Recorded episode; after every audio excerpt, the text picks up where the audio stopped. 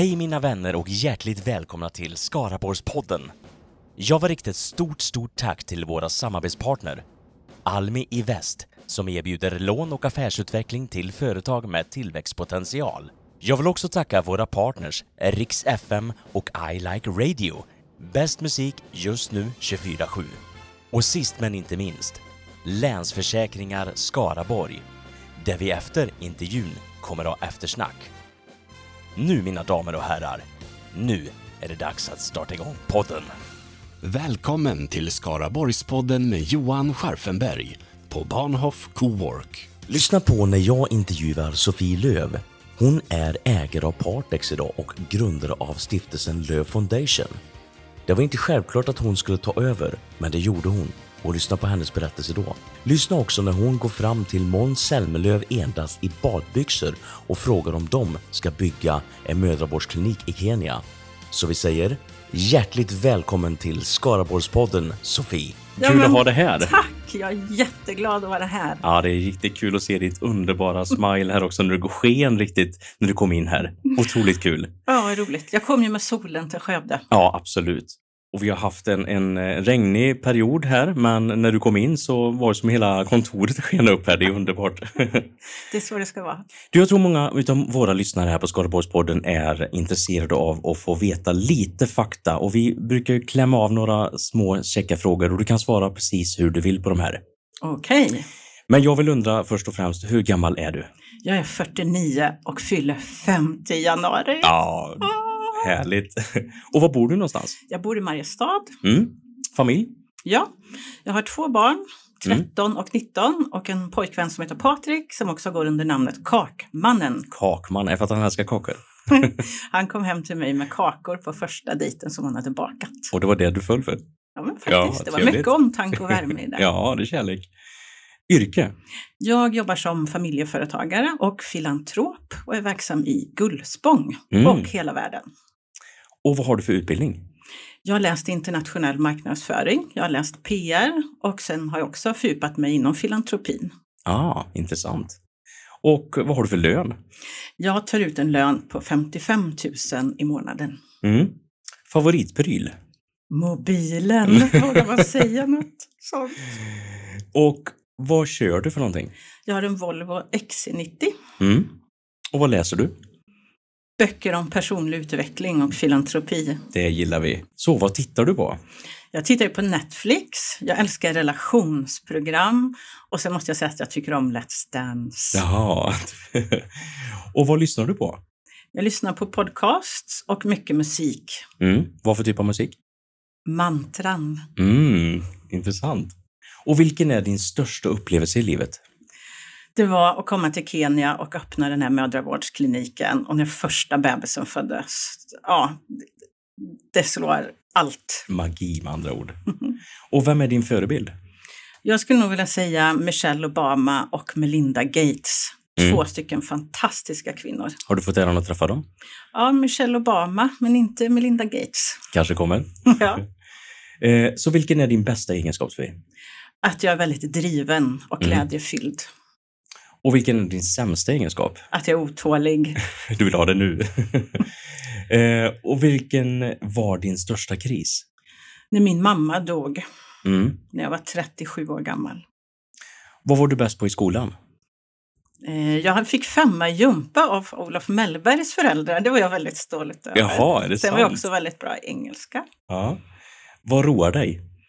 Allt som har med människor att göra. Alla möten med människor. Vad gör dig arg, Sofie? Jag tror att när folk är oärliga, Mm. att ljuga tycker jag inte är okej. Nej.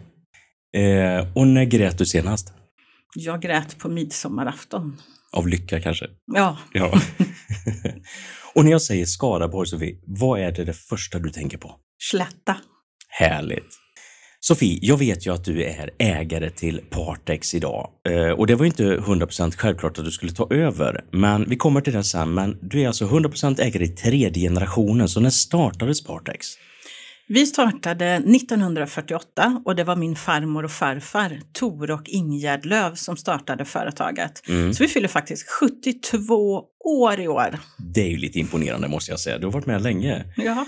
Och du var ju 37 år när du klev in i det här och, och eh, ni har ju cirka 220 fantastiska medarbetare, så det är ett ganska stort företag. Hur kändes det egentligen när du klev in? För det var ju inte riktigt självklart från början. Nej, det var det inte. Jag har ju växt upp i den här företagande familjen och tyckt att det har varit väldigt, väldigt spännande. Mm. Men både min far och min farfar var båda ingenjörer och var väldigt mycket ute och skruvade i maskinerna. Och där kände jag att jag är ingen ingenjör, jag är mer en människoorienterad person och tycker det är spännande att träffa människor, jobba med marknadsföring. Så att den här platsen på bolaget såg inte jag riktigt. Så att det var inte alls självklart för mig. Men en dag då när jag var runt strax innan 37 så låg min farfar inför döden. Min pappa började närma sig pensionen och då blir det någonting som ett litet kall över mig att men vad ska hända med företaget? Tänk nu om jag inte vill ta över. Jag har inga syskon så jag är den enda arvtagerskan. Vad ska hända med våra anställda? Och så började jag fundera på, fanns det andra roller som jag skulle kunna bidra med? Mm. Och så i samtal då med min far och sen så sa jag då till honom att nej men jag vill verkligen försöka, för jag kan inte veta om jag inte försöker. Så fick min far chans att berätta det här för min farfar. Han ligger döende och han kan inte prata, eh, men han skiner upp som en sol. Han bara ler med hela ansiktet. Och sen strax därefter så dör han. Så att det finns inte en gång pappa berättar den här historien utan att gråta. Så det kändes väldigt speciellt att farfar fick reda på det här innan han dog. Mm. Så gick jag in som vice vd, eh, arbetade med personalfrågor och marknadsföring. Så att, eh, ja, jag hittade en roll som passade mig och det jag brinner för och är bra för. Mm. Och ni, ni, har ju vuxit något oerhört, för ni, ni, är ju då i 13 länder. Produktionen sker i Gullspång, men ni har dotterbolag i 13 länder. I vilka länder finns ni? Ja, då ska vi gå runt världskartan här. Då. Vi börjar med USA, mm. England, Tyskland, Frankrike, Polen, Tjeckien, Slovakien, Slovenien, Dubai, Ryssland, Indien och Sydafrika är de som jag kommer på. Nu hoppas jag att jag inte har glömt något. Men det är väldigt, väldigt roligt för vi bidrar ju med arbetstillfällen runt hela världen mm. och våra produkter är med och gör världen lite säkrare. Vi gör kabelmärkning som vid elinstallationer så blir det säkrare. Så att det är ju både det att vara med och bidra till en säkrare värld och ge många arbetstillfällen som känns väldigt gott i mitt hjärta. Mm. Och man har ju sett de här små, små märkningarna som finns, det är små nummer som hänger på eller som sitter på kabelkablagen. Mm. Och det är just de, de som, som skapar just den här säkerheten. Ja. Och det verkar ju gått ganska bra, för ni satte ju faktiskt omsättningsrekord förra året. Ja, vi har faktiskt tripplat vår omsättning sedan jag började för 12 år sedan. Och det känns ju jätteroligt. Det känns fantastiskt. Då har du gjort någonting rätt i alla fall. ja, jag tror att jag är bra på att hitta rätt medarbetare. Vi har mm. fantastiska medarbetare runt om i världen. Och att jag är bra på att inspirera och eh, visa på något sätt med handling hur vi tar oss framåt och bra på att sätta mål. Mm. Och det tror jag man behöver för man ska få med sig människor. Och sen också det här att känna mening. Mm. Att vi på vårt företag, vi skänker också del av vår vinst till fattiga genom vår stiftelse Love Foundation. Det tror jag också blir en mening för våra anställda, att man vet när man går upp tidigt på morgonen och kämpar sig till jobbet, för alla kämpar ju för att komma upp såklart. Mm. Men så vet man att man är med och bidrar till dem som inte har det så bra som oss. Mm. Plus att man gör världen säkrare. Och som vi var inne på förut där Sofie, att känslan för arvet vidare, det, som du var inne på, det är meningsfullt. Man går upp på morgonen och du måste känna en oerhörd stolthet i detta du har gjort. Ja, men jag gör ju det. Det är mm. därför jag är så glad att jag vågade prova. Mm. Att jag vågade förbise att jag inte är en ingenjör. Att jag vågade se mina styrkor och vad jag kan bidra med. Och att jag nu sitter här och, och jag är så glad och så tacksam över den här chansen och också att jag vågade ta chansen. Och du, du verkar ju verkligen bry dig om människor, det måste jag säga. För du, alltså, jag, jag ser ju när du träffar människor, när du träffar oss här innan du kom in, då, du sken ju upp som en sol. Alltså hela lokalen blir ju glädje. Du verkar bry dig väldigt mycket om människor. Jo, men det gör jag. Jag mm. tror att jag har en stor empatisk förmåga. Den empatin kan ju också ta mig, det finns ju alltid två sidor av myntet. Den mm. kan ju också bli att jag blir lite väl känslostyrd ibland. Och jag kan behöva då, jag behöver omge mig av människor som har väldigt hög logisk förmåga så att vi kompletterar varandra där. Så att, ja. ja, allt är en balans. Häng med oss fortsättningsvis i Skaraborgspodden så ska vi alldeles strax ta reda på vad mer Sofie kan berätta om sitt liv.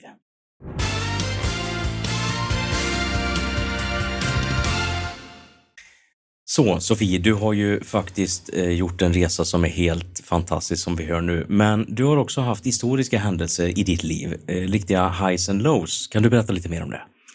Ja, en väldigt, väldigt stor sak som hände i mitt liv när jag blev tonåring, skulle börja på gymnasiet och flyttade då, eller flyttade men rörde mig från Otterbäcken till Mariestad och började på Vadsbo gymnasiet. Alltså det var så spännande så jag höll på att gå upp i splint, eller vad säger man? Atomer? Ja, precis. Eh, det var ju så mycket snygga killar. Oj, oj, oj, ja, det var så roligt. Så det var en historisk händelse. Världen öppnades. Sen var jag också under min gymnasietid i Chicago och jobbade en sommar. Jag var utbytesstudent i Sydney och det öppnade upp världen och allt spännande som man kan göra väldigt, väldigt mycket. Så mm. det skulle jag vilja säga historiska händelser. Om vi går på low-sidan så skulle jag nog vilja nämna att jag var utbränd 2003. Min mamma dog 2009. Och ja, en del separationer som man har gått igenom i livet. Så att livet är ju inte bara lätt, det är oftast lätt. Men vi har också svårigheter och det är genom våra svårigheter som vi lär oss och vi växer. Mm. Och jag vet också att du har flyttat x antal gånger i ditt liv. Du har rest mycket, men eh, hur många gånger har du flyttat Sofie? Ja, men jag räknade igenom det. Jag har faktiskt flyttat 16 gånger. Oj! Gedigen meritlista. ja, jag vet inte om det, om det är det, men jag tror mitt behov av omväxling och utveckling har gjort att jag har flyttat runt en del.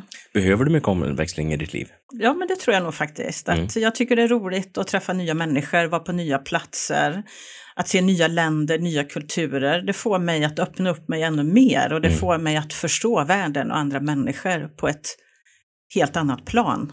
Så 16 gånger Sofie, från Otterbäcken till London och du har även varit att du har ägt ett hus i Sydafrika, stämmer det? Ja, en sån private game reserve där jag bodde precis vid vattenhålet och djuren kom dit och det var, det var helt magiskt. Vad härligt! Och eh, vad, vad, har varit bäst utav de här eh, resorna du har gjort? Finns det något speciellt eh, område som du tycker om? I, där du har varit? Ja, men Nepal ligger mig väldigt varmt om hjärtat. Mm. Det är där vi har byggt vårt barnhem på väg upp till Mount Everest. Mm. Och det är som att när man kommer dit så stannar tiden.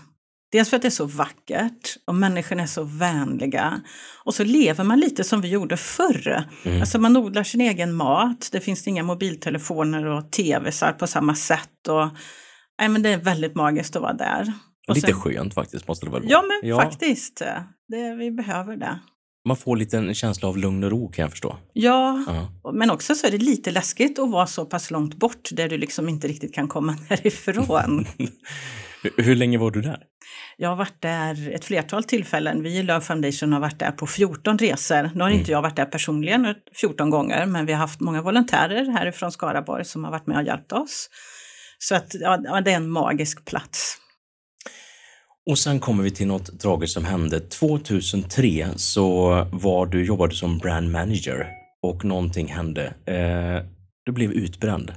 Ja, det gjorde jag. Det blev, som, det blev verkligen gå in i väggen. Det var som att all min kraft och energi bara tog slut. Jag kunde inte ens öppna en leverpastejburk.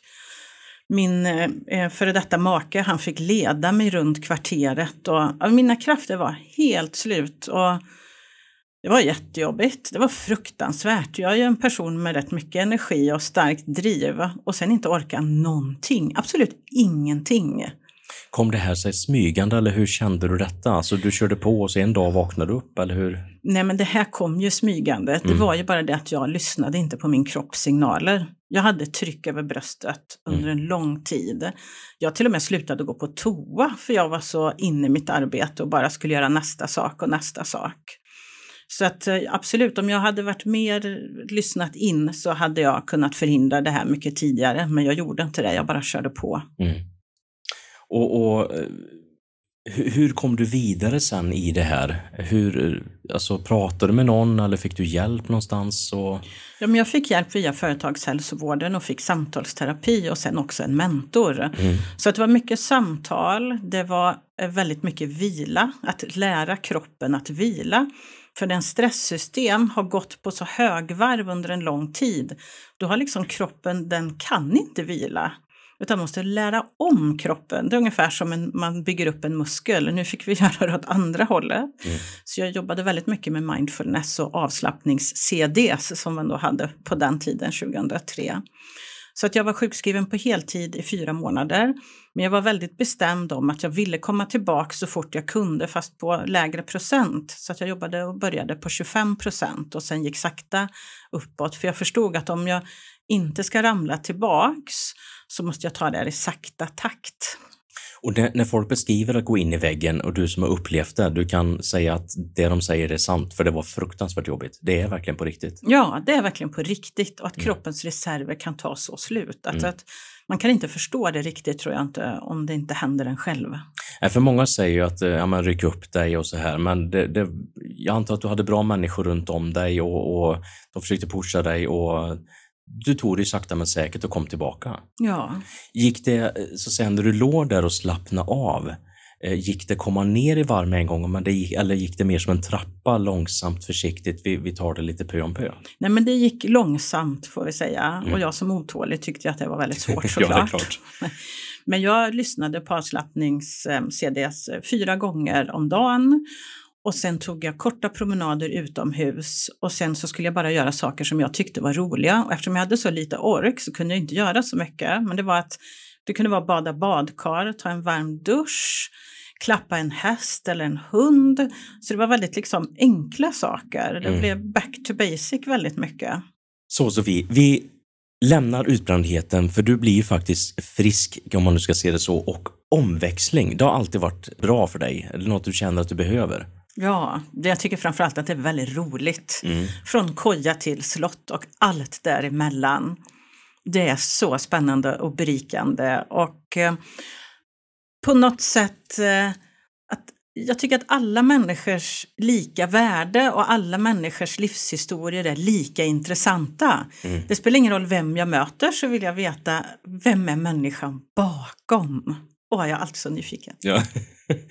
och, och alltså det spelar ingen roll om man är rik eller fattig i ditt liv, för du, du sätter verkligen värdegrund på människan. Det hörs tydligt när du berättar och det märktes när du kom in som jag pratat om här. Och ditt fantastiska jobb med Leo Foundation som vi kommer att prata om sen. Men din passion i livet, eh, det har du sagt till mig är kärlek och glädje. Kan du utveckla det lite grann? Ja, men ju mer kärlek och glädje jag kan ge, desto mer kärlek och glädje får jag tillbaka. Mm. och det är samma med att ge tillbaka, om vi nu pratar om filantropi. Alltså, det finns ju ett sägen som säger att den eh, sanna altruisten är den största egoisten. Mm. Och det betyder ju att jag mår som bäst när jag ger till andra. Mm. Och jag tycker det, ja, det är oslagbart. Jag har aldrig provat några droger, men jag skulle gissa att att, att ge tillbaks till andra och arbeta med välgörenhet som jag gör, att det är, det är beroendeframkallande. Ja, det är det. får ju nästan samma rus här verkar det kännas som när du kommer in. Men, men eh, att hjälpa andra har du sagt också att göra skillnad på riktigt. Och det är väl lite så? Ja, verkligen. Mm. Så hur, hur nära ligger träning och hälsa eh, i ditt liv? Ja, i och med den här utbrändheten så fick jag ju verkligen med en tankeställare att jag måste ta hand om mig själv på ett mm. bättre sätt. Och då är det både kroppen och själen. Men kände du någonstans att när, när du var som mest utbränd att du hade ändå tanken att jag måste komma igång och bara träna, jag behöver det här.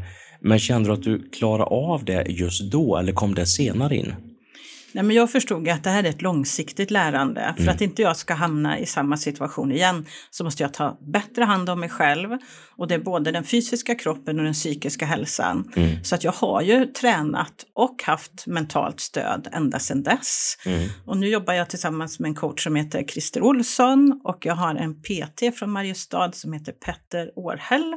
Han gör träningsprogram och nu kostschema till mig. Jag fastade i förra veckan. Det var jättetufft.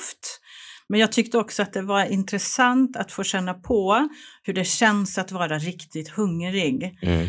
Alltså jag träffar många, många fattiga och, och, man ser många som sitter omkring och kanske inte gör så mycket. Och då kan man som västerlänning tänka så här att men det är bara att du rycker upp det och tar tag i och skaffar ett jobb. Mm. Men om du inte har tillräckligt med näring, du blir så trött. Och apatisk. Gjorde du det för att du ville testa det för att se hur de har det eller för din egen hälsas skull eller varav? Ja, det var lite att bryta, om man nu får säga lite mönster. Nu har jag ju varit i coronaisolering hela våren. Mm. Jag har gått matlagningskurs via Zoom i Sydafrika. Oj. Jag har lagat fantastisk god mat. Mm. så tänker jag, så här kan jag inte hålla på. Nu måste jag bli lite striktare här. Så då tänkte jag att fastan var bra för att på något sätt skapa nya vanor och att det var lite lättare att gå in i det här kostprogrammet. Men sen också så tycker jag, men den lärdomen kommer nog mer efteråt, att det här att få träna på hur det är att vara hungrig, att mm. det på något sätt hjälper i mitt arbete. Målet då Sofie, med, med den här kosten så vet jag att du, är, du hade en liten notis du ville ta upp där. Vad var målet? ja, om vi säger så här på lite kort sikt så vill jag bli den coolaste Bondbruden på min James Bond 50-årsfest i januari. Absolut. Men det är ju såklart, alltså, det som är det viktigaste är ju ett långt liv, att jag ska finnas till för mina döttrar och våra anställda och det här företagandet alla välgörenhetsprojekt, att jag ska finnas här länge och kunna uträtta så mycket jag bara kan. Mm. Och det krävs ju att jag tar god, god hand om mig själv. Mm. Du nämner också på den mentala sidan så har du jobbat med en coach som heter Christer Olsson. Vem är mm. detta? Ja, det är en mentor, en föreläsare från Göteborg. Jag tycker han är jätteduktig mm. och jag var på en ledarskapsutbildning hos honom. Och sen så frågade jag om han ville bli min mentor och då mm. sa han ja. Så nu har vi jobbat tillsammans i nästan ett år. Och det är väldigt roligt. Och sen tänker jag att vi behöver alla stöd i livet. Mm. Vi har alla frågor som händer och det är alltid skönt att kunna bolla det med någon. Och sen har vi träffat en gemensam person, du och jag, som vi känner, Karin Thedéen, en fantastisk ja. människa måste jag säga. Hur ja. har hon inspirerat dig och hjälpt dig? Hon jobbar ju mycket med hypnosterapi mm. och jag hade väldiga problem med sjukdomar, med kräk och blodfobi, vilket gjorde att jag undvek olika saker. Och jag vill inte undvika saker i mitt liv, utan jag vill ta tag i mina rädslor. Mm. Så jag kontaktade Karin och med hennes hjälp så har det liksom försvunnit. Sen finns det ju saker som kan trigga rädslor som nu corona till exempelvis. Mm. Det är klart att jag är lite extra rädd, jag har högt blodtryck, jag måste vara lite försiktig här. Men med hennes hjälp så har jag övervunnit så många rädslor och vågar göra så mycket mer idag. Så att jag kan varmt rekommendera att man tar hjälp när man har problem, för det går att lösa saker. Det mm. går att bli starkare. Och lite komiskt att du säger det, för att jag har ju själv varit utbränd en gång i tiden och fick hjälp av Karin också. En fantastisk människa, det måste jag säga. Henne är evigt tacksam. Eh, men kropp och själ hänger ju faktiskt tajt ihop som du säger och det är viktigt att ta hand om båda. V vad säger du om det? Ja, men det är verkligen det. Mm. Vi behöver röra på kroppen för vi ska få ut spänningar och, och, vi ska röra på kroppen för att få igång hjärtat och alla möjliga saker. Mm. Men vi behöver också få ut det som vi har liksom i knoppen. Mm. Det behöver också komma ut. Så att jag tror på något sätt att kan vi få kropp och knopp att samverka och att vi inte trycker undan saker, vi sopar inte saker under mattan utan vi pratar om saker, så tror jag att vi mår mycket, mycket bättre. Är det hemligheten till ett långt liv? Ja, vi får se när vi sitter här du och jag om förhoppningsvis 40 år. Så kör vi en intervju till tycker jag, ja. så gör det gott. Och din återhämtning då, hur gör du för att återhämta dig efter en stressig dag när du har varit kämpig? För jag menar, du har ju många järn i elden, du är en framgångsrik entreprenör och, och du älskar ju passion i livet, eh, träffa människor. Men det är klart att det är ju på kroppen också. Jo, men lika mycket som jag tycker om att eh, sätta mig på tåget härifrån Skövde och åka ut i världen tycker jag det är skönt att ta tåget tillbaks och komma tillbaks till Slätta. Vara ute i skogen. Eh, det här med att vara i naturen och att det inte är så mycket människor, det tycker jag vi har det så fint här. Att vara med nära och kära, med mina barn, med vänner, med min pojkvän.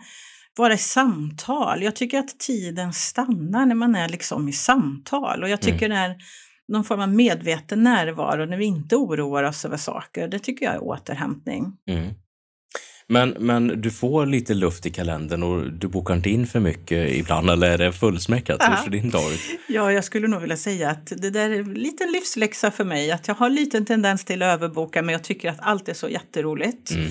Men nu med den här coronavåren så har jag ju faktiskt fått övat på att vara på ett och samma ställe i Skaraborg och inte varit någon annanstans på fem månader. Och det har varit en utmaning, men jag tror att det har varit väldigt nyttigt för mig. Nu vet jag att jag klarar av det. Jag har kunnat uppskatta ja, men naturen på ett helt annat sätt. Så att ja, nyttigt för mig men inte helt enkelt. Så du har ändå lite medveten närvaro får vi säga? Ja, men det tycker jag att jag har. Och du har ju faktiskt tvingats som många andra också i coronatider. Eh, men eh, det hjälper att skapa närvaro som du säger i nuet och du har ju säkert fantastiska vänner runt om dig. Din pojkvän, dina barn och det är klart det skapar ju en bra trygghet och, och uh, mänsklig närvaro naturligtvis. Mm. Är du rädd för tystnaden? Jag tycker ju mer om att prata, det måste jag erkänna. Det är lite sån här skämsemoji som kommer upp nu. Men jag har övat mer på tystnad och mm. jag har varit på en del tysta retreats. Och jag tycker det här att, att träna sig i tystnad och se och gå inåt, vad som händer, det är väldigt spännande. Mm. Men jag ska säga att det kommer inte så lätt för mig, så det är någonting jag får liksom öva på.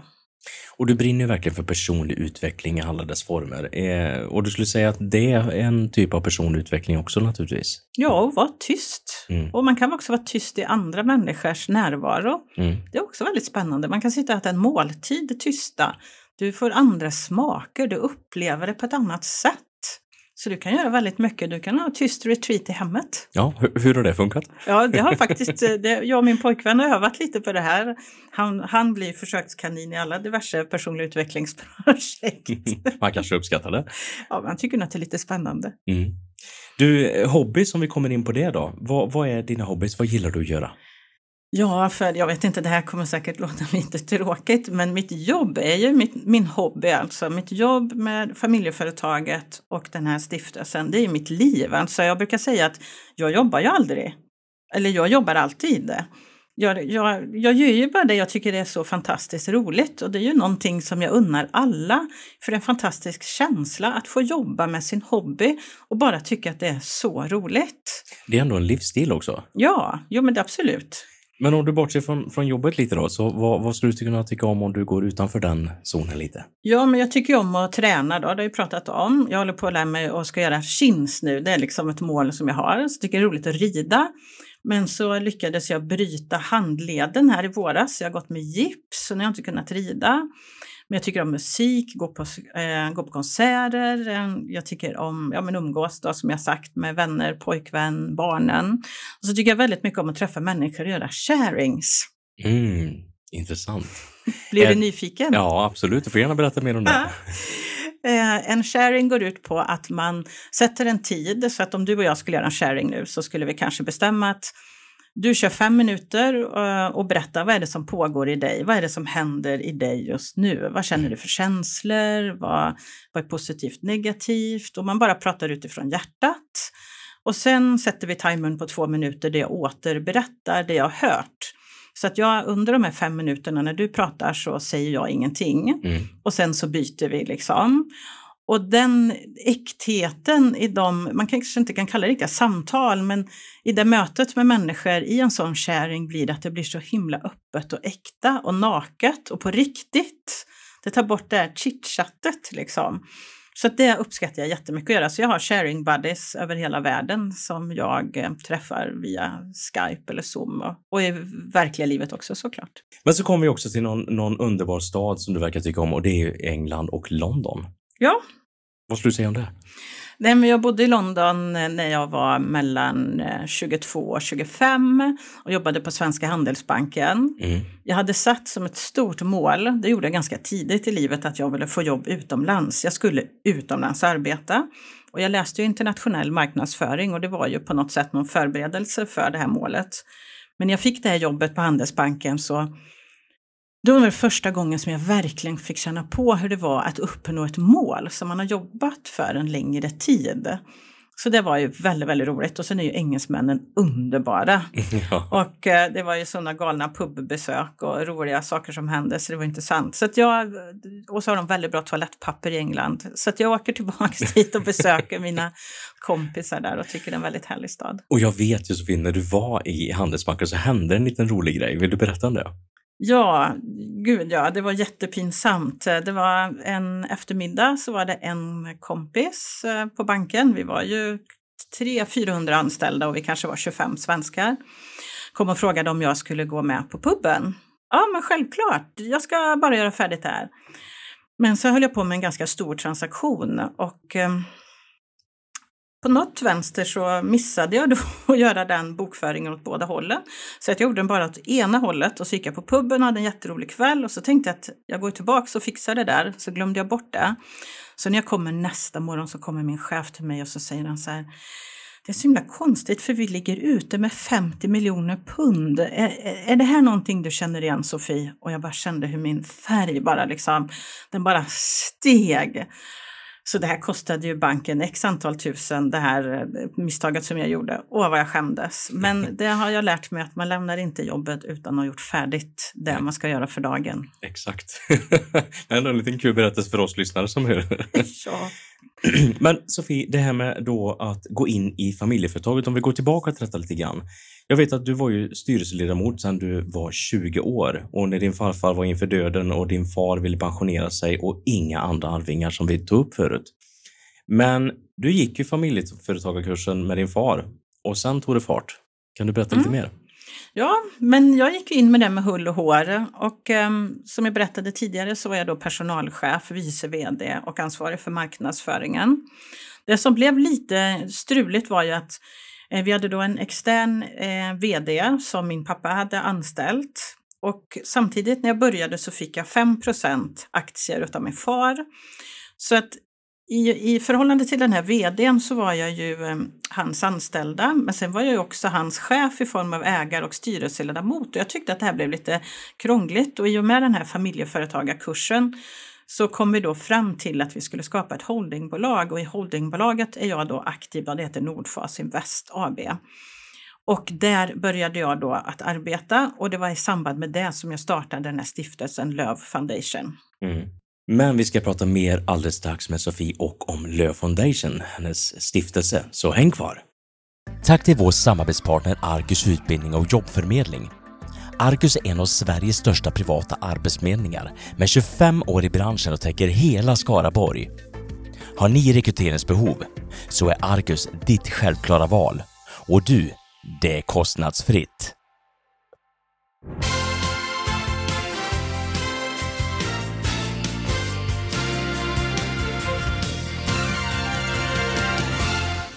Sofie, du har ju också startat då ditt, eh, din stiftelse Löv Foundation och detta började ju med att du faktiskt hade ett samtal med din farmor.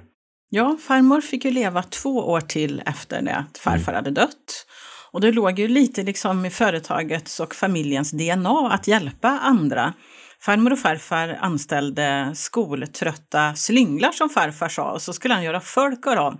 Och jag gissar kanske i dagens eh, vokabulär så heter det nog dyslexi och kanske ADHD, men det skulle i alla fall farfar hjälpa till med. Så att de har jobbat väldigt mycket med att hjälpa andra under sin livstid och då pratade jag och farmor om det här. Hur skulle vi kunna, liksom, eller jag fortsättningsvis kunna arbeta med det här? Mm. Så att jag lovade farmor att jag skulle göra någonting i familjens namn. Men då visste jag inte riktigt än hur.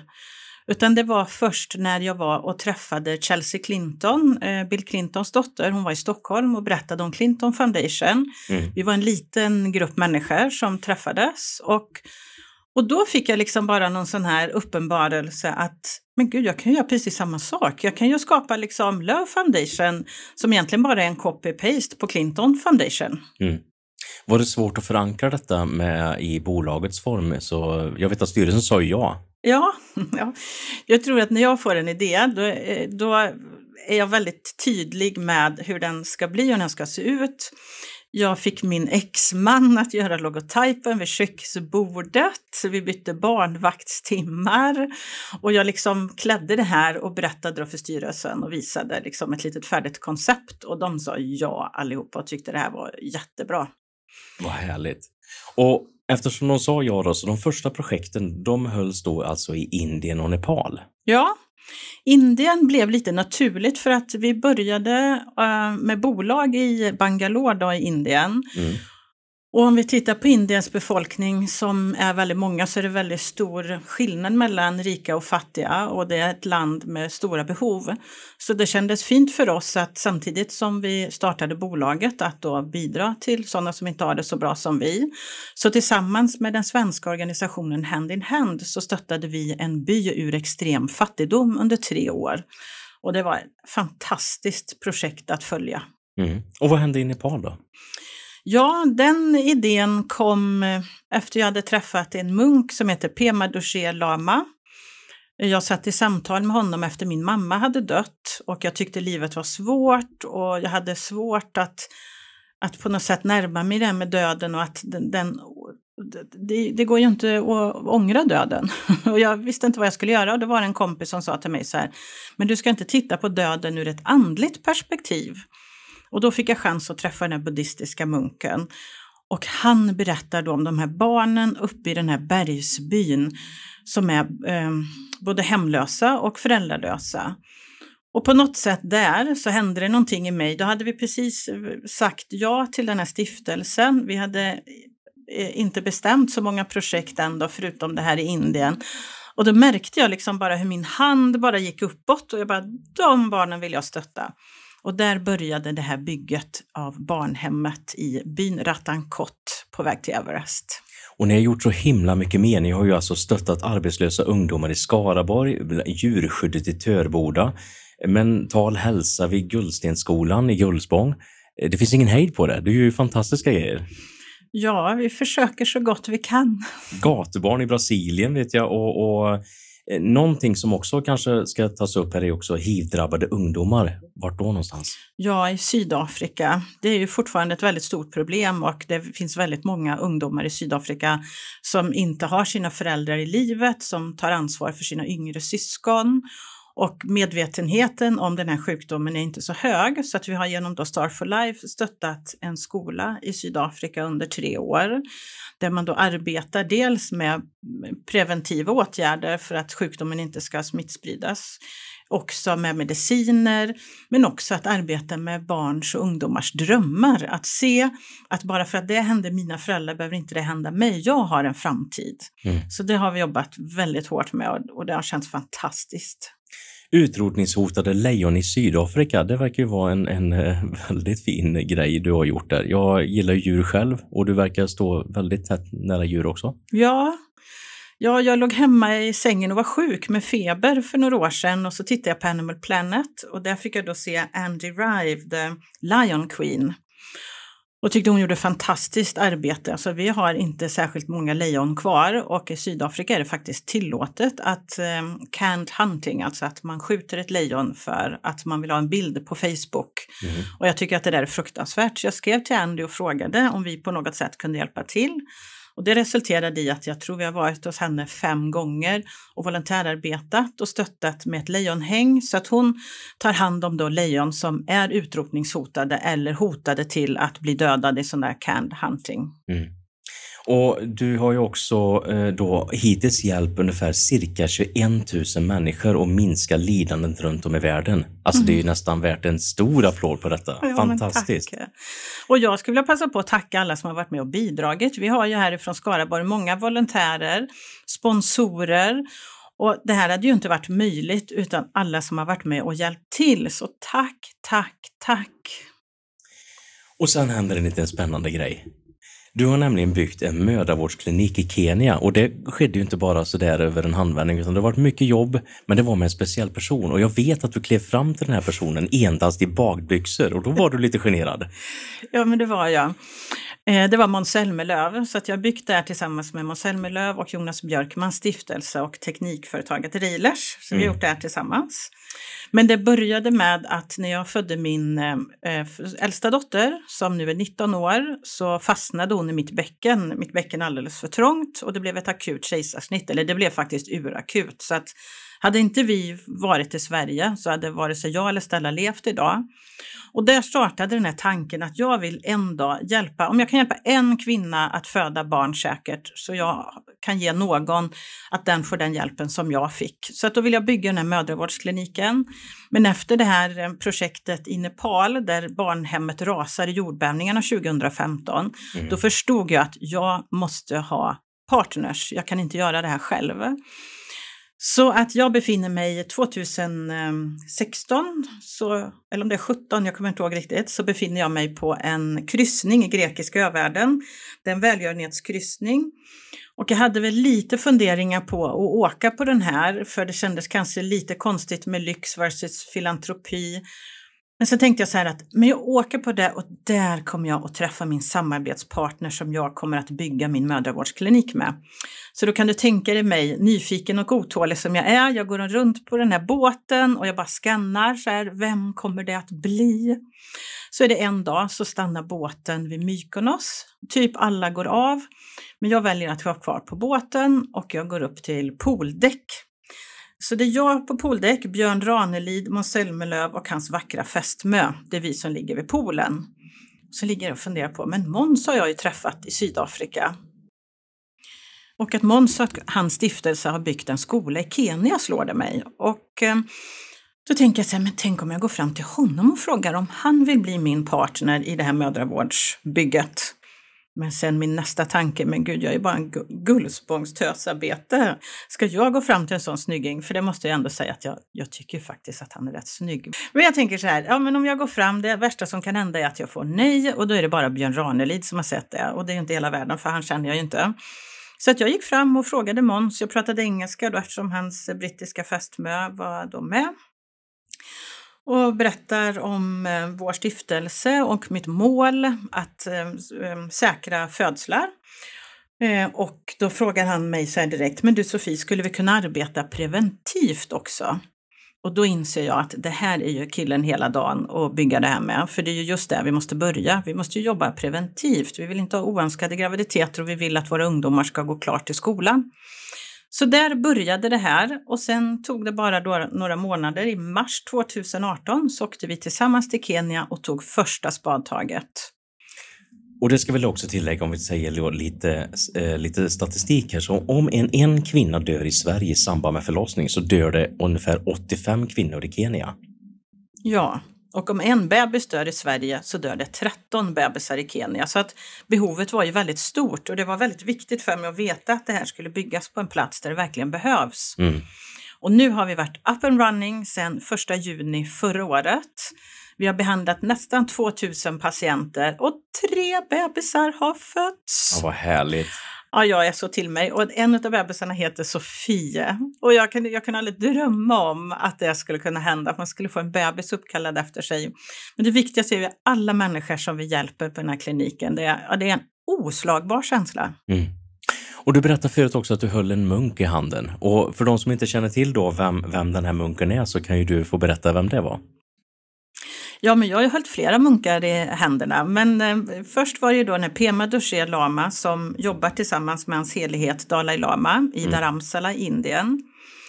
Och i och med mitt eh, samarbete med Pema så kände Individuell Människohjälp, en fantastisk organisation från eh, Skåne, kände till vårt samarbete och bjöd in mig när Dalai Lama kom till Sverige och höll audiens och sen blev jag också inbjuden på lunch därefter.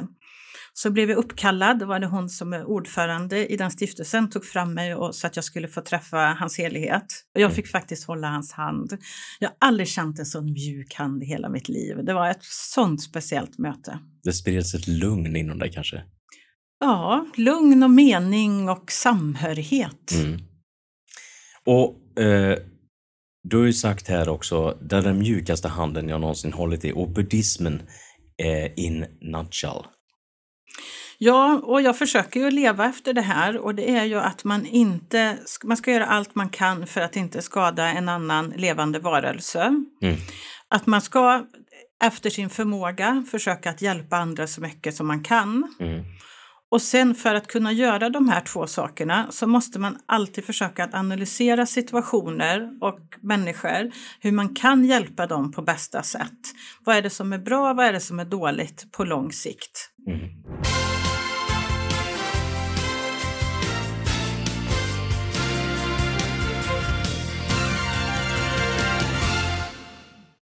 Och när man går in på, på vi lämnar den biten lite och går in på din egenskap som ledare. Så vad är ledarskap för dig? Eh, är det att sätta tydliga mål eller hur tänker du där? Ja, men jag tror att med tydliga mål och en tydlig klar målbild som man då kan ta i siffror eller som jag då brukar göra att jag gör en skylt. Men på något sätt att, att man behöver få människorna som jobbar med det i ditt team att förstå att hit ska vi nå. Sen mm. tror jag också att det är väldigt viktigt att vara prestigelös som ledare. Att inse att jag är inte bra på de här sakerna, då behöver jag komplettera upp det i teamet och sen så också att kunna säga att jag är inte särskilt bra på det här, men det är du, så jag är så tacksam för att du är med i det här teamet. Och sen på något sätt eh, ge hejarop liksom utefter resans gång, för när man har höga och svåra mål så arbetar man hårt och då behöver man få mycket värme och glädje och omtanke tillbaka och det tror jag att jag är bra på. Du är verkligen bra på att inspirera människor tror jag verkligen, för man, man märker när man pratar med dig, man blir inspirerad själv för det du har gjort. Så du, en stor eloge till dig Sofie. Ja, men tack. och, och jag tror du är duktig på att ta fram det bästa utav varje medarbetare och du förklarar för dem, det här är målet och dit ska vi nå och du verkar lyckas att få alla att dra åt samma håll. Ja, men det tror jag nog. Och att mm. jag lyckas att få med mig folk, att man tycker det är roligt att arbeta med mig. Och det är ju viktigt, för man ska ju ha glädje. Det är då jag tror att det blir bra. Liksom. Ja, och det skänker du värme, omtanke, glädje. Ja. Absolut. Så vad är dina styrkor som ledare då? då? Ja, att jag har lätt för att kommunicera och att jag försöker att lyssna för att förstå. Inte bara lyssna för att jag ska få säga någonting, utan verkligen förstå dig. Vad är det du säger bakom dina ord? Det tror jag är väldigt, väldigt viktigt. Och det är den här empatiska delen, den tror jag också är väldigt viktig. Och det är att sätta rätt folk på rätt plats för att det ska bli bra för uppgiften och att människan ska må bra. Sen tror jag det här med öppenhet och ärlighet, att en, en transparens ger en form av, vad ska jag säga, någon trygghet och en djupare relation. Och när vi får djupa relationer så tror jag vi är beredda att kämpa lite till. Mm. Är du bra på att förmedla målbilder i andra sinnen? Ja, men det tror jag. Jag tror att jag, jag, tror att jag har nog lättast i bild, men jag kan göra siffror när jag vet att jag pratar med en sifferperson. Så att det har jag lärt mig genom ledarskapsträning. Och det är lite intressant att du nämner det Sofie, så jag undrar ju naturligtvis vilken färg utav de här röd, gul, blå och grön är du? Ja, jag har mest gult, men jag har också ganska mycket rött. Mm, intressant. Jag är faktiskt samma person. Ja. Det är därför vi kommunicerar så bra. Men, men du, du är väldigt öppen som människa och du får ju verkligen folk att växa. Hur gör du själv målbilder när du ritar upp någonting för dig själv? Jag vet inte riktigt att hur liksom hur idéer kommer till mig. De kommer liksom bara till mig. Nu håller jag på att sälja min lägenhet i Mariestad. Jag ska flytta till en mindre lägenhet. Och då fick jag bara så här någon form av sån här uppenbarelse att vi behöver en ambulans. Nu i coronatider så har vi ju inte så mycket pengar och resurser och det med den här ambulansfrågan har verkligen varit ett litet bekymmer att få pengar till. Och då slår det mig, men tänk om jag säljer den här lägenheten och överskottet kan jag investera i en ambulans till kliniken. Så att på något sätt när jag får idéer så liksom det bara kommer till mig. Jag kan inte riktigt förklara hur det går till. Det är som någon där uppe skänker en tanke. Och ja, och sen kan jag inte sluta tänka på det. Så nu är det bara att tänka på att sälja den här lägenheten så dyrt som möjligt och köpa en ambulans. En sann entreprenör. Så är det någon som vill köpa Sofies lägenhet så är ni jättevälkomna att höra av er helt enkelt. Men, men som den starka ledare du är, du är en visionär, du är entreprenör och företagsledare. Men även alla människor har ju svagheter, så har du några svagheter Sofie? Jag skulle nog vilja säga att jag är lite väl impulsiv och mm. att jag låter känslorna styra över logiken. Och att jag behöver, där som jag pratat om, att tänka på någon form av balans mellan sina åtaganden på fritid och jobb inte bara för mig själv utan också som förebild för ledare, som ledare för att jag vill ju inte att mina anställda ska jobba ihjäl sig. Så att ja, lite för ambitiös och eh, lite mycket tidsoptimist kan jag mm. nog lägga på det kontot också. Du verkar vara en person som om det är en, en helgdag eller någonting så kan jag nog tänka mig att du befinner dig på arbetsplatsen kanske samtidigt som dina anställda. Ja, jag kanske inte tillsammans med mina anställda, men jag kan nog helt säkerligen befinna mig där själv. Och är det att vi har någon invigning eller någonting i något annat land så är jag ju där med mina anställda. Mm. Men jag tror nog att Ja, i coronatider så har nog våra chefer jobbat kanske också en hel del på helger och oroat sig. Men annars så skulle jag nog säga att jag tror faktiskt att de är lediga, men jag kanske jobbar. Har Partex klarat av coronapandemin bra tycker du? Ja, men jag tycker nog det. Vi var ganska tidiga med det här korttidspermitteringen och titta över våra kostnader. Så att ja, vi, det, det börjar vända nu. Mm. Eh, första kvartalet så var det hyfsat bra. Eh, april, maj var det lägre, men nu ser vi att det är en liten uppgång. Och att, i kombination med att vi har varit bra på att hålla i våra kostnader, men vi har inte sagt upp några, vi har inte varslat. Så att hittills får jag väl lägga till då, för vi vet ju inte vart det är på väg, men vi ser en, en liten vändning och det gör mig trygg och glad. Härligt. Så hur bra är du på att ge feedback? Ja, men jag tror nog att det är en av mina styrkor, att liksom se människors styrkor och gärna berätta om dem och, och på något sätt göra andra människor glada, för alla tycker om att höra att de är duktiga. Jag tycker du har en fantastisk radioröst till exempelvis. alltså, jag tycker det är viktigt att kosta på sig det, så det tror jag nog att jag är bra på. Sen kan det vara jobbigt och det med konstruktiv kritik, det behöver vi ju kunna dela med oss också som ledare och det är ju tuffare såklart. Mm. Men jag tycker nog att jag är modig så att jag kan ta tag i sådana saker också. Men det är klart att det är ju svårare. Den första gången du gav en människa konstruktiv kritik, hur kändes det? Var det jobbigt? Ja, lite jobbigt för man vet inte hur det landar i den andra och du kan inte alltid vara snäll. Så det är ju såklart svårt för är man en väldigt empatisk person så vill man också gärna vara omtyckt. Mm. Man vill att andra ska må bra men samtidigt finns det också en omtanke kring affären och vi måste driva den framåt och då behöver vi göra på det här sättet. Mm. Sofie, nästa steg för dig, vad är det? Ja, men jag ska göra två spännande utbildningar här under augusti och september. Och det är eh, en utbildning för hjärtat och en för hjärnan. Eh, jag ska utbilda mig till dola, vilket är, en, det är inte barnmorska utan det är en hjälpande person. En stöttande person som är med vid förlossningen om man vill ha extra stöd eller om det kanske är någon som är ensamstående. Eller som nu i coronatider om ens partner då inte kan vara med på förlossningen så kan man då ta in en dola så det ska jag utbilda mig till. Jag ser så mycket fram, till, ser fram emot det. Sen ska jag gå en styrelseutbildning i Stockholm tillsammans med min äldsta dotter som är engagerad i vår styrelse och vi ska gå det tillsammans. Så det känns jätteroligt.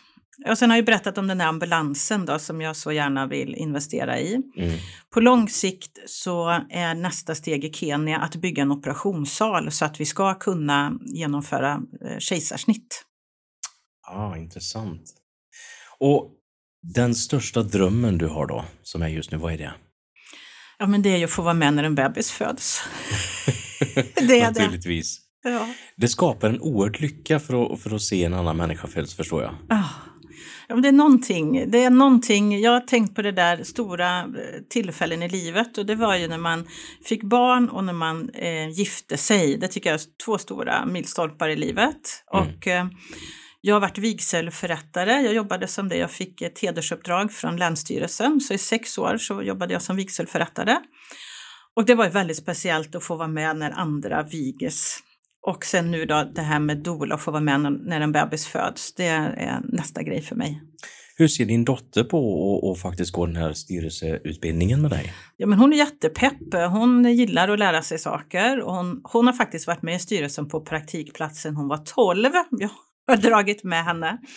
Och jag tror hon är 19 nu, så jag tror det blir nyttigt för henne. Och eh, både kunskapsmässigt men också att knyta band då till andra i eh, den här utbildningen då som man kan ha som bollplank så att hon skapar sig sitt team om man säger. Mm. Och sen för egen del så ser jag det som att jag vill gärna engagera mig i andra företagsstyrelser. Så är det någon företagare här i Skaraborg som vill ha stöd i styrelsen så hjälper jag gärna till om jag kan. Trevligt, kul att veta. Mm. Och vad hade du sagt till dig själv om du hade varit 20 år? Något budskap som hade kommit fram då? Ja, men det hade nog varit att ha inte så bråttom. Låt det ta lite tid. Har du bråttom annars? Tycker du? Ja, men jag har ju det. Jag är jätteotålig. men du har ändå lärt dig kanske att, som du sa förut, att, att varva ner lite, tänka lite. Men jag förstår dig. Jag är precis likadan. Känslomässigt, då trycker man på. Och det kanske du ha väldigt bra personer runt om dig som ni kompletterar varandra. Ja, och det är väldigt viktigt. Mm. Och vi har ju fått in lite lyssnarfrågor här om dig Sofie. Ja, spännande. Ja, det tycker vi också. Så vi frågar första frågan, vem var du i skolan? Åh, vem var jag i skolan? Jag var nog den här lite sociala som tyckte det var kul med fester och, ja, och lite den här kanske som hittar på saker busig och partypingla, funkar det? Ja, men lite. Och, och lite kanske den här ledande rollen i grupparbeten. Ja. vad var svårast att starta ett företag och bygga upp tyckte du? Vad var svårast med det? Ja, nu har inte jag startat, om man säger Partex, utan det är ju mina farföräldrar och min far som har startat det. Men jag har ju startat Love Foundation och det som var svårt med det var ju att det var nu sju år sedan och det var ganska ovanligt med filantropisk eh, verksamhet. Så att själva regelverket kring det, jag hade inte så många rådgivare med advokater och revisorer som visste hur man skulle göra det här. Så att det var det, det, var faktiskt lite svårt. Nu har det blivit lite vanligare och det här med socialt entreprenörskap eh, och hållbarhet har ju blivit eh, helt... Det är många fler som arbetar med sådana frågor idag. Mm. Men du har ju fortfarande då eh, i familjeföretaget har du fortsatt utveckla och, och eh, hela tiden både i då den generationen som är. Vad tyckte du var svårast med det? Men det är nog att hitta rätt människor. Att du ska få rätt människor med dig. Jag tycker nog att det är svårast i USA, för i USA är man så himla bra på att berätta att jag är jätte jättebra på det här. Mm. Men man kanske inte levererar. Medan en svensk kanske är jätteduktig på att leverera, men kanske inte så duktig på att säga att den är duktig på att leverera. Så det är väl det här med att förstå kulturer och hitta rätt människor i rätt land och, och mm. så. Och jag tycker att jag gjort bra, men visst jag har på några nitar också. Men, eh, ja, men det, det är svårt. Men det är väl då du har lärt dig antar jag? Ja, mm. absolut. Så hur värderar man och väljer ut sina filantropiska insatser?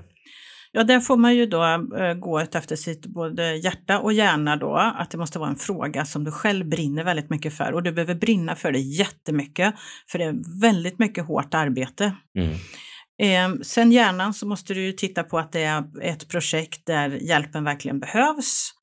Och om du stöttar en annan organisation så måste du göra en bra due diligence och titta på, på deras siffror och se så att inga pengar faller på fel ställen. Så det är ju en kombination alltså med sina intresseområden och eh, hur räkenskaperna ser ut. Mm. Avslutningsvis så vill jag ställa tre sista Skaraborgsfrågor till dig Sofie. Okej. Okay. Eh, nummer ett då. Om du får välja ut en plats i Skaraborg och bygga ett hus på, vart är det och varför? Jag har ju precis byggt en sommarstuga i Sundsön vid Torsebron utanför Mariestad och jag tycker mm. det är en fantastiskt vacker plats. Det är nära skogen och nära vattnet och så himla fint. Så att jag säger Sundsön. Och vilken annan skaraborgare skulle du vilja lyssna på i podden och varför? Ja, men jag skulle tycka det var roligt att höra eh, Johan Abrahamsson, kommunalråd i Mariestad. Jag tycker att han har fått väldigt mycket gjort. Jag tycker det har hänt väldigt mycket i Mariestad. Jag vet också att han har varit i blåsvädret några gånger. Men jag skulle tycka det var intressant att få höra hans story från början till slut. Och om du vill rekommendera Skaraborg, vad vill du rekommendera då och varför? Jag tycker det är en fantastisk plats att bo på, just för att det är lagom mycket människor, det är bra huspriser, det finns mycket natur, det finns hårt arbetande människor, för jag uppfattar skaraborgarna som liksom med mycket så här stolthet, liksom, att man sätter stolthet i sitt arbete och att man är väldigt plikttrogen. Och, så att eh, det är nog blandning mellan människor och naturen helt underbara svar. Jag tycker faktiskt detsamma. Jag älskar naturen runt om här och jag trivs faktiskt i Skaraborg. Så det, de som inte besökt Skaraborg ska ju absolut få komma hit och se vår natur och vårt företagsklimat. Ja. Jag vill rikta ett stort, stort tack Sofie för att du kom hit till Skaraborgspodden och att jag fick intervjua dig om, om ditt liv och sätta porträtt på dig. Ja men tack, det är jag som ska tacka alla ödmjuka som fick komma hit och vara gäst och prata om mig själv en hel timme. Det var ju helt sagolikt. Absolut. Så tack så mycket. Och ni som inte då vet så mycket om vad Sofie bedriver så tycker jag nu eh, ni har fått ett bra porträtt av detta. Men gå in då på Lö Foundation och gå in på Partex och läs om hennes fantastiska arbete hon gör. Så tackar vi Sofie i Skaraborgspodden. Tack så hemskt mycket. Tack. Eftersnack med Länsförsäkringar Skaraborg. Välkommen hit David Saving från Länsförsäkringar Skaraborg till Eftersnack. Stort tack Johan. Vad tyckte du om, om poddavsnittet med Sofie? Ja, men det är ju så fantastiskt att få lyssna på berättelserna om en av alla familjeföretagare som finns här i Skaraborg. Och jag vet inte hur du känner, men jag blir alldeles varm i hjärtat när man hör de här, de här resorna. Nu har inte Sofie varit med och startat, men hon har varit med och förvaltat på ett fantastiskt sätt eh, Partex. Då. Hon har ju tagit över i tredje generationen och det var ju inte helt eh, väntat att hon skulle ta över, men nu gjorde hon detta. Hon kände ett, ett stort behov, men hon vill också eh, ligga alla nära till hands och eh, framförallt hennes hjärtefrågor i att driva företaget vidare och att utveckla det och det har hon ju faktiskt gjort. Sofia har ju alltid hittat lösningar på problem och detta har ju ni tagit del av också på Länsförsäkringar, att hitta lösningar på just problem. Ni har funnits i 200 år nästan och det startades 1842. Idag är ni kundägda. Hur ser du på den saken? Ja, men det är ju en spännande historia. Eh, om man tar sig tillbaks till 1842 när Länsförsäkringar Skaraborg startades fanns det inte järnväg, det fanns inte elektricitet. Det var en helt annan en helt annan värld. Mm. Men där och då så såg man att när det brinner ute på, bon, eh, på bondgårdarna så är det stora problem för människorna som drabbas. Och så bestämde man sig för att gå tillsammans, samla ihop pengar i förväg för att kunna ha eh, om olyckan är framme. Mm. Och så bildades det, som idag är Länsförsäkringar Skaraborg. Och det bildades av de första kunderna och det är än idag kundägt. Eh, så vi har ju fått vara med genom en fantastisk utveckling för, för Sverige, för Skaraborg, till där vi står idag. Varför gillar Länsförsäkringar Skaraborgspodden? Ja, men vi är ju otroligt lokalpatriotiska. Vi älskar ju Skaraborg. Eh, och genom att vi är kundägda så har vi inte vi har inga intressen någon annanstans. Det finns inga aktieägare långt bort som ska, som ska tjäna pengar på den här verksamheten utan allting ska till syvende och sist tillbaka till Skaraborg. Mm. Eh, och när det här initiativet med Skaraborgspodden kom, då kände vi direkt att ja, men det här är ju någonting som vi vill vara med och göra möjligt. Att få lyfta fram de här fantastiska företagarna och profilerna som har gjort Skaraborg till det som det är idag. Har ni mycket familjeföretag som är försäkrade hos er idag? Vi har faktiskt nästan vartannat företag i Skaraborg försäkrat, eh, vilket vi är både tacksamma och, och ödmjuka inför att vi behöver förtjänar det förtroendet varje dag. Mm. Eh, och ja, det är både de små och de stora bolagen i Skaraborg som vi har, eh, som vi har kundrelationer med och, och det är fantastiskt att få vara med på de här resorna. Och man kan tänka att det som försäkringsidén i grunden handlar om, det är att hjälpa till när någonting plötsligt oförutsett inträffar. Som företagare så står det förstås alltid risken i, i din affärsidé att att den funkar. Men vi kan vara med och ta bort en del annan risk. Um, och har så varit under en väldigt, väldigt lång tid. Mm. Sofie har ju också skapat Lö Foundation och hon hittar ju lösningar på de problem och ni är ju inblandade i olika initiativ till att göra Skaraborg bättre. Ni skapar ju trygghet tillsammans med era kunder. Hur ser du på det? Dels så är det grunden för våran affär. Bank och försäkring handlar ju mycket om, om trygghet å ena sidan och möjligheter å andra sidan att kunna få låna pengar till att kunna köpa ett hus till exempel. Det är ju verkligen att skapa möjligheter för en familj. Men eh, sen är vi också med på många sätt i, i initiativ som, som mer kretsar kring att, att göra Skaraborg som plats bättre. Mm. För någonstans är det så att mår skaraborgarna bra, mår Skaraborgs företag bra, då har vi långsiktigt också en affär. Mm. För vi verkar bara i det här geografiska området, vi verkar ingen annanstans, utan vi är helt det är helt avgörande för oss att Skaraborg funkar och mår bra. Mm. Och det kan ju ha allting att göra från eh, att stötta idrottsföreningar, som många andra, till att se till att det finns ett bra ekosystem kring våra företagare med eh, rådgivning, att, att stötta organisationer som, som jobbar med företagsklimat och så vidare. Ni vill göra Skaraborg bättre och utveckla företagsklimatet här. Och tack vare er så finns ju chansen att, att faktiskt göra det. Och vad jag förstår så ser ni också eh, långsiktigt på allt samarbete.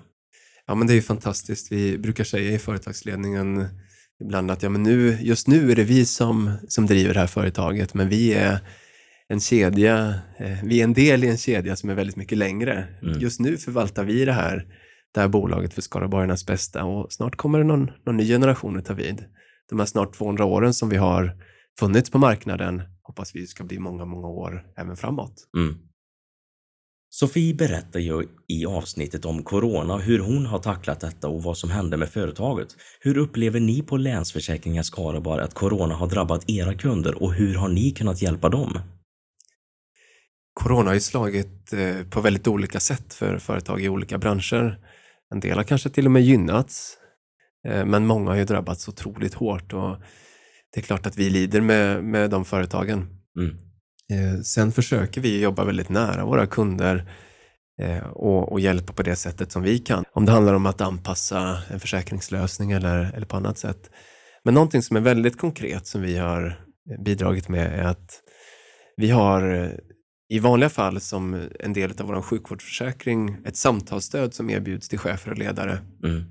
Där man kan få hjälp av psykologer eller ja, olika typer av expertkompetenser eh, för att bolla det som man kanske ofta står ensam i att hantera. Mm. Det har vi under den här tiden erbjudit till alla våra företagskunder oavsett om man har sjukvårdsförsäkring eller inte. Så det är ett, ett konkret sätt som vi har försökt vara med och hjälpa till.